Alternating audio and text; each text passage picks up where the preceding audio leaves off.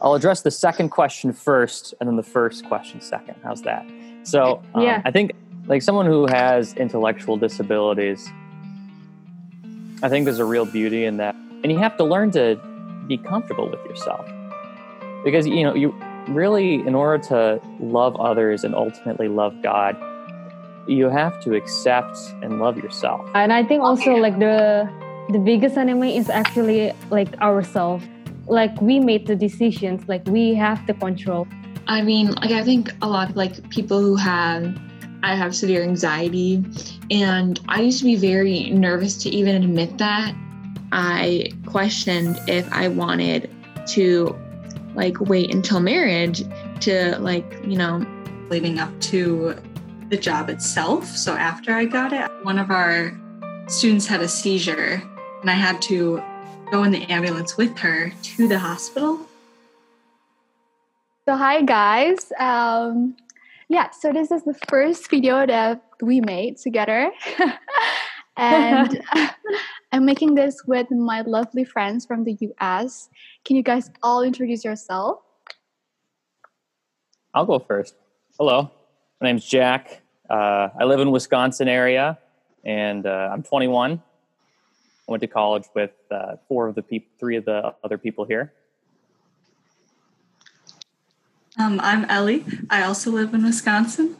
Um, I'm 19 and I am uh, I'm going to be a third year in college this year.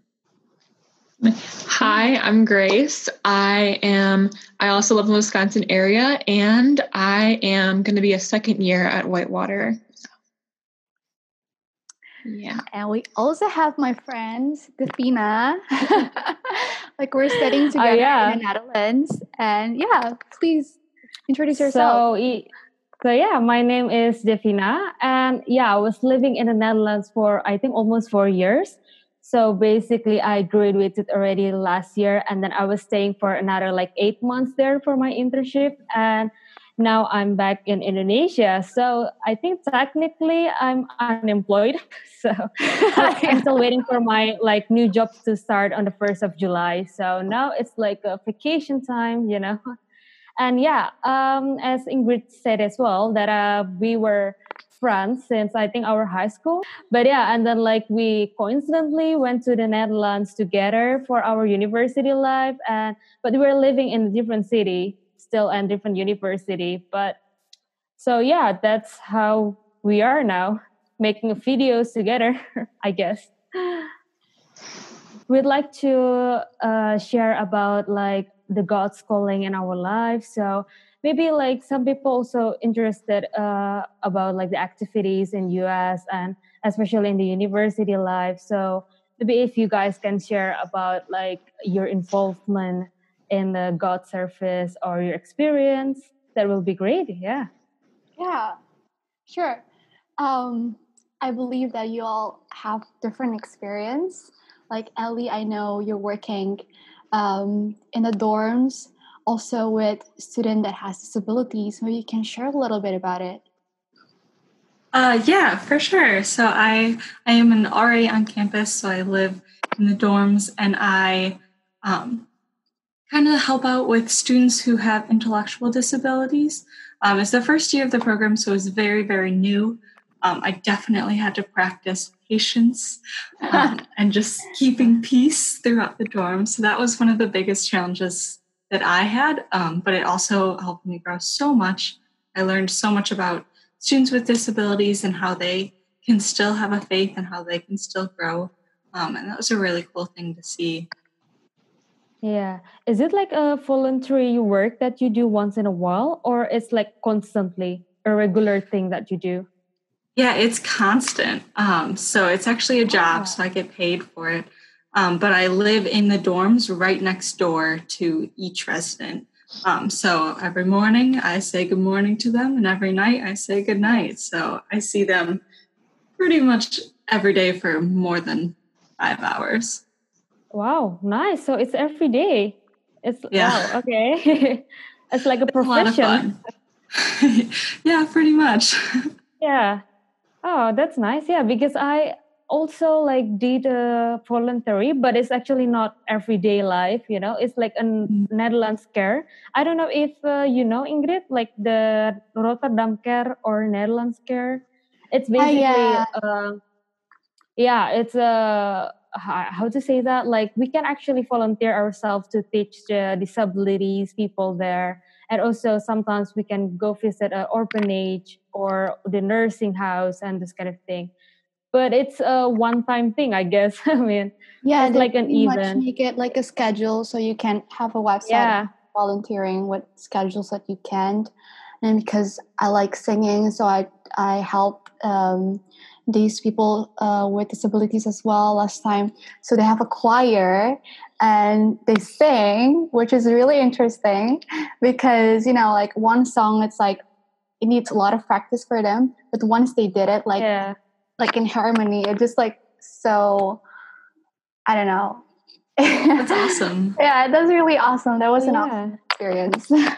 I'm pretty much interested in do you did you like uh, put that in prayers before you take the job or how do you say it like is it also one of your God's calling in your life or you have like Well, I went into college um, my very first year knowing that I wanted to be an RA.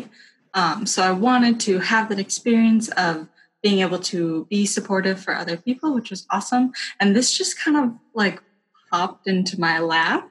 Um, I just like came across it on a job interview and I was like, why not? Like it's the same thing. And I, I love spending time with people with disabilities um, and Yeah. helping them. So it was kind of like like something that God just gave to me to be like, I want you to take this on.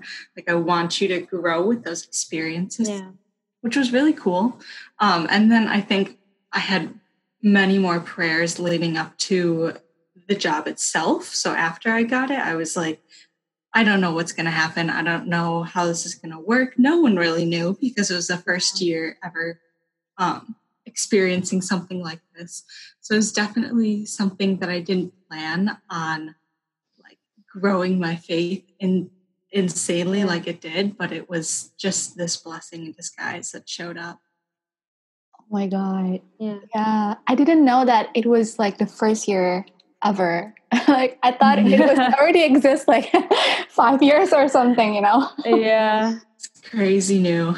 Uh, oh my so god how can you actually manage with your study as well because it's like a full-time study and then uh, as you say like what is the hardest time ever that you experience with these uh, Um, yeah. Yeah. So they go to school throughout the day. So they have classes. Um, so then that time that they're at school, I'm also doing school. Um, and I like Oh. try to manage, you know, working between classes and working later at night after my shift is over. So after they go to bed. Um, so it is challenging, but it's a lot. I love the challenge.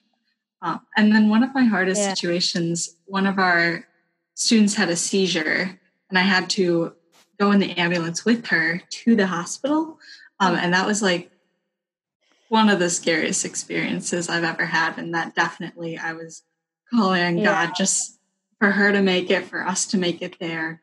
Um, and it definitely opened my eyes to uh, more than disability, more more of just like any injury or emergency is when you really need to prepare yourself and you need to be ready for any situation, um, especially with students with disabilities. So that was really eye opening and really influential in my future with students with disabilities.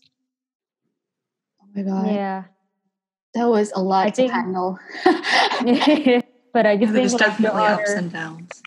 yeah that's true like the harder you got uh like the bigger the challenge after you finish it you feel like more satisfied you know like it's Mhm. fulfilled somehow but yeah but it's actually interesting to see you know like we live in the very comfortable places but you know there are some people who actually in need and never be able to do like normal things like us but yeah that's that's interesting yeah Oh. How about you, Jack Grace? Oh my God, like we haven't talked for Yeah, been a bit quiet. Jack actually spent a lot of time with our residents. He was very, very good with them. Mhm. I don't know if you had any experiences. I with can see that he was really good with the kids. yeah with it, yeah there's a lot of there's a lot of patience that you definitely need whenever i would visit i'm i'm good friends with um one of ellie's co-ras or someone that helped her out with the ra process so i spent a lot of time over there with her and ellie and the residents and i got to know them more you know there's uh like someone who has intellectual disabilities I think there's a real beauty in that because you know life is a lot simpler, and yeah. uh, something I really learned from that is that there's a lot of beauty that can come out of just like the simple things. Like you ever notice how, like you know, the best thing and best things in life have like the fewest details. I feel, or even just like a nice, uh, you know, like a nice cup of coffee. Right, it's a simple pleasure. It's really good, and I think that. Um, some yeah something that I learned from Ellie's residence was just just enjoy the simple things in life. You know, and God, you know, there's beauty in that simplicity, and God doesn't need to speak in the, all these grandiose details. It's just Bring thr- throughout these years with bunch of activities that you've been through in the community. It it might be outside uh, workout Catholic or you know like that that triggers you. Oh my God, this is what I'm passionate about. Maybe this is also God's calling in my life. I think a real I think a really great experience I had is that I was able to work um, two summers ago. I was able to work at a uh, a youth summer camp in the Colorado Rocky Mountains. Uh, Camp. Oh, The other shirt. I'm actually wearing it. Believe it or oh my not. God, perfect timing. Um, yeah, perfect timing, right? um, but there, I underwent a lot of spiritual growth. I'm in the back country of the uh, the Rocky Mountains. Really, it's just like a couple of tents, couple of uh, couple of tents, and just you in the nature, you in nature. And there's something about nature that really takes us back to our origins, where God, this is how God created us, right? He takes us back to like who we were meant to be. And yeah. mhm. so I spent a lot of time in silence and I spent a a lot of time in reflection. And it's really in the silence that I spent there where I was able to really hear his voice and, and help me discover, you know, who I am as an individual, as a unique individual, and as, you know, a son of the Father. And that's not to think- say, of course, that you can't experience God in all of the noise or God's not present in any chaos or all of these like intricate detailed plans that you might have. But um, when there's less distractions the more clearly you can hear his voice. So i mean in your in your situation if you can just you know find a room in your house or in anybody's situation just like find a room in your house close the door you know turn off your phone put your phone in the other room whatever you got to do and just sit and be with yourself and be with God Yeah. because God's because God's there. We have this concept of God that He's like this big guy up in the clouds, throws lightning bolts, whatever, you know. That's Yeah. not a very accurate image of Him. He is this purely spiritual being that you know He encompasses all of our existence and His Mhm. presence is everywhere, and all we have to do is invite Him in, and He'll be there. I think that's the problem for most people right now. Like they're too, they're so busy with their work, homework, university, so they don't even Mhm. have time to, like, for reflections or for at least a meditation kind of thing. And yeah, it's always like a schedule that they have to meet the deadlines, and and actually they can take like a moment. Yeah, I guess it's, it's it doesn't have to be like in the nature or stuff, but then even in your room or maybe in the church or something that's that would actually work When was the moment that you realized that about all of these thoughts? Of course, I know it's it doesn't come up like like from like just like that, but through a process. And how did you deal with it? Yeah, it definitely was a process. I think a lot of people really want that aha moment, right? Like, yes, this is it. It's kind of like in in like a movie where it's love at first sight and then ever since that moment after you find you know the one then everything's great after that but in the grand scheme of things you know most of our parents or most married couples that we know uh, you know their love story doesn't look like that. It's not this one big grandiose thing and everything is crazy in love after that. There's hardships and when you're falling in love with someone it's a slow and gradual process of like adjusting to uh, being the right person for them. And uh, really it takes a lot of time. And so if you're feeling frustrated in prayer because oh, you know i'm looking at so and so and you know they got it all they look he looks like he's got it all together. She looks like she's got it all together and she's perfect and this that or the other thing. That what what you're looking what what you're admiring in them like the strength of like their spiritual life um that took years to develop. And like i'm still you know i i wouldn't consider that i started becoming a serious catholic christian until uh 2 years ago and you know i've experienced a lot of growth since then but there's a lot of ups and there's a lot of downs and there's a lot of demands that come with it and you know every day is um, me being open to receiving what I need to do in that day. I can hear God's calling in the very little invitations. Like I'm walking past someone down the street, smile and say mm. hi, you know? I'm not very well aware of the Indonesian culture, right? But Amer- American culture is uh, is very. Why you need to come?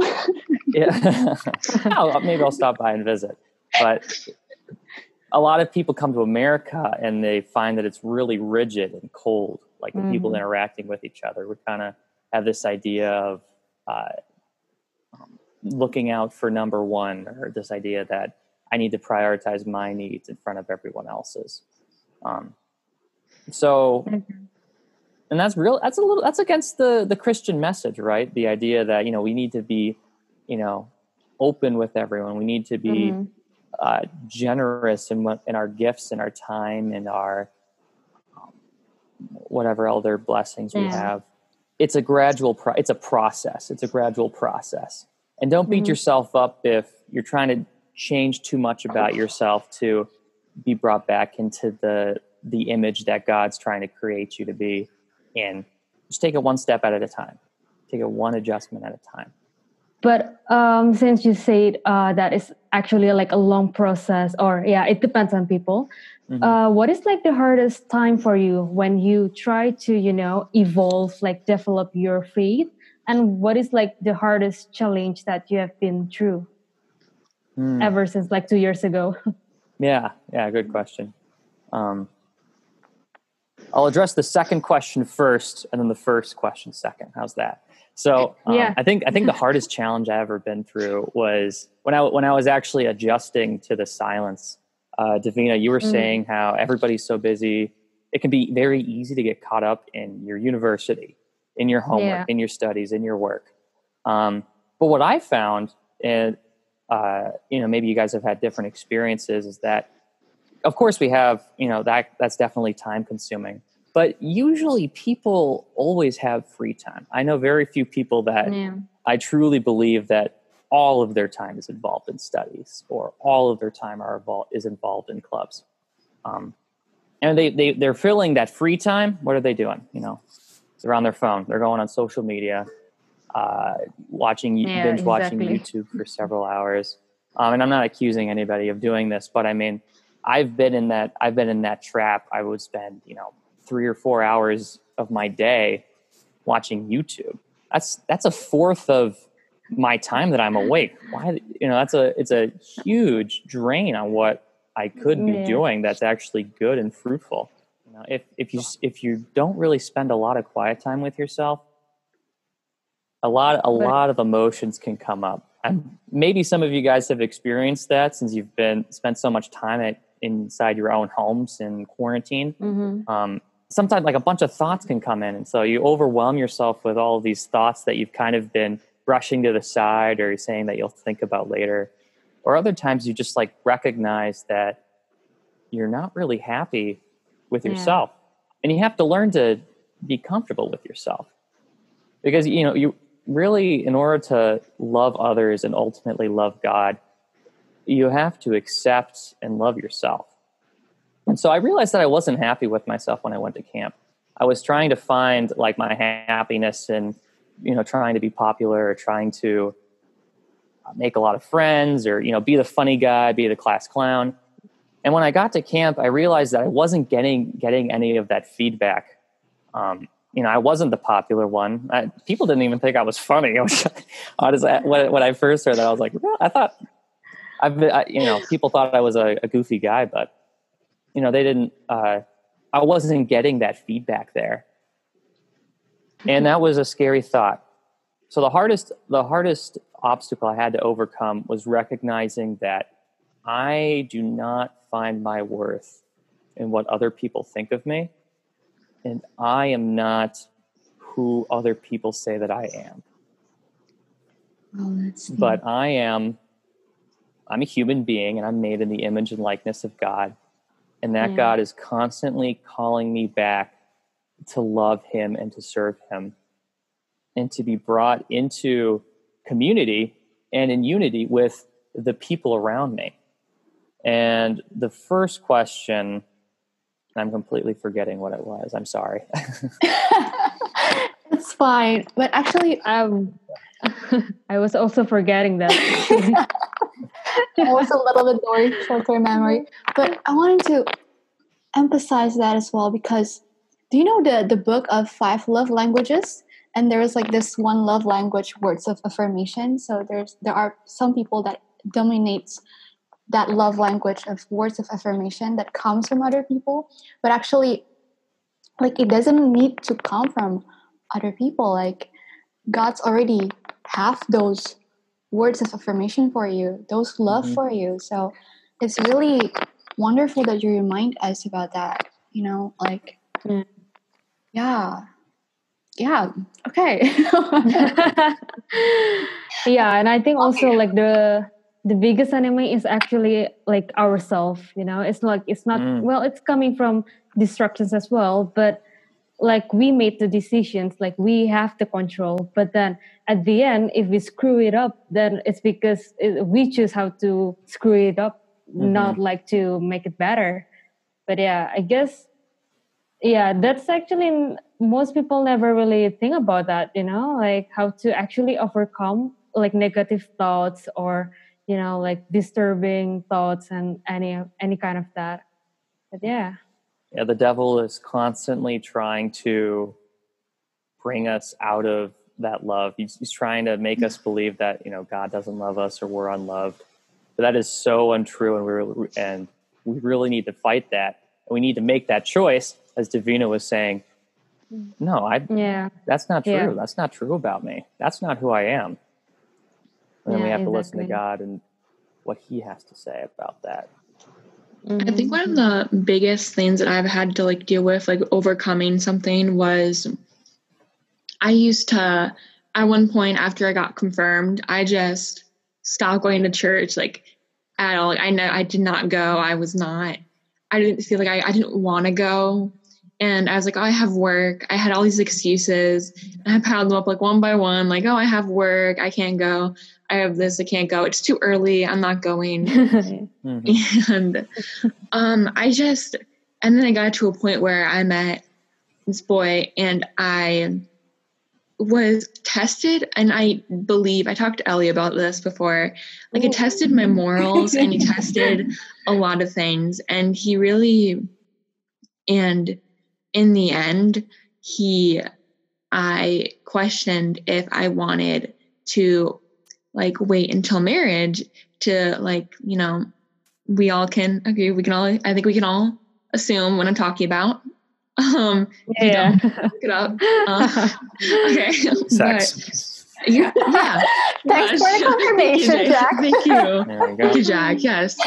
So I questioned it a lot. I like really thought about it and then one day my mom comes into my room and she goes, just don't do anything I wouldn't do. And it scared me so much because I was thinking about it that whole day. And it scared me. That I was like, oh my gosh, like that, I think that was a sign from God that like, hey, Yeah. like please, like everyone's concerned, like please do not do this. hmm And in the end, I didn't.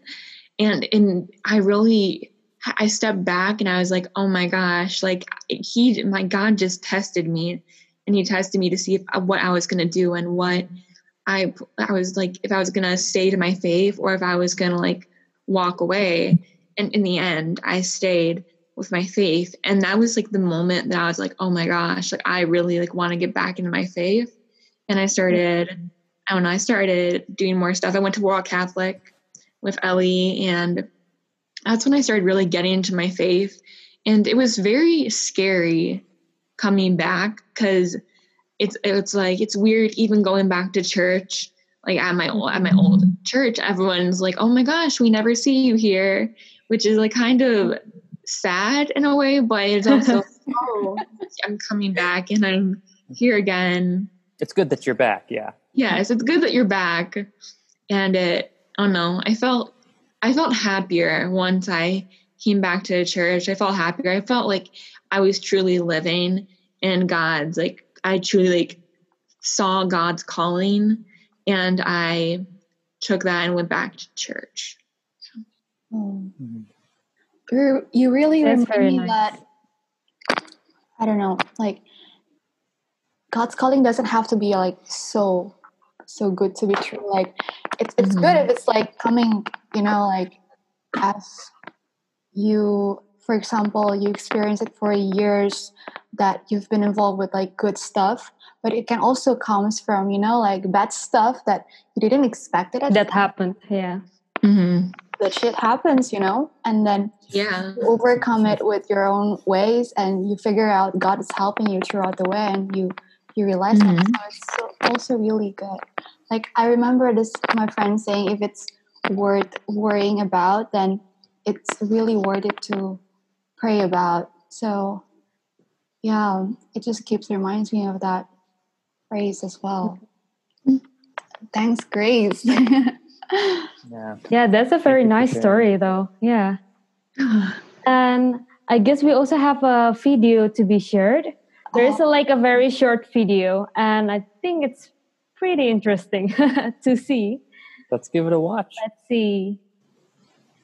I think that my purpose Can you hear I that? can hear it. Yeah. Mhm. I heard. Okay, great. Thanks, right now is to shed some light on the, this, to shed light on these conversations, to bring awareness to um, to these kind of sticky subjects and maybe the like. Why Yeah. do you think they're so sticky? I think they're sticky because we don't want to talk about them. Mm-hmm. What I think is so cool about this new generation in our culture is that I do feel like maybe the culture before us, maybe our parents, was a generation where they didn't talk about a lot, to be honest. There was a lot of things that were crass and that weren't appropriate. And, you know, we don't talk about those things. And, you know, we keep it very hush hush Yeah. what I think is cool about our generation is that we're trying to scream it from the rooftops. Mm-hmm. Like, this is real. I feel this way. Let's talk about it.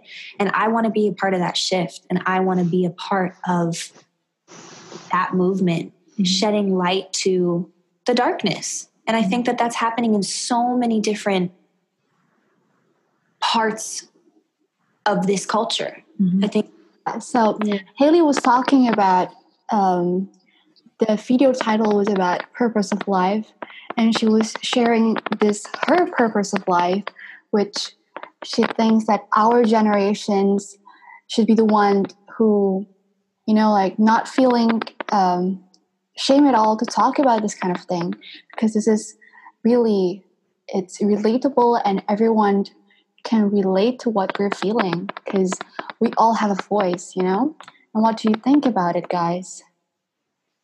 I think it's very powering because I mean, like I think a lot of like people who have I have severe anxiety and I used to be very nervous to even admit that and even to mm-hmm. tell someone like, "Oh, I have like I I'm on medication for like certain stuff." Yeah. like I mm-hmm. have like disorders and I have and it's very it's very difficult to open up about that and how she was saying how like now we want to like scream it from the rooftop and then it's so relatable to all of us it's nice to it's i think it's more if you don't tell anybody you never know who mm-hmm. may have like a same problem or maybe like you can relate to somebody about it. like some of my best friends have it and we like to talk about it and we mm-hmm. i think it makes it easier to not only like feel like you have someone else that can relate to you so you're not feeling alone.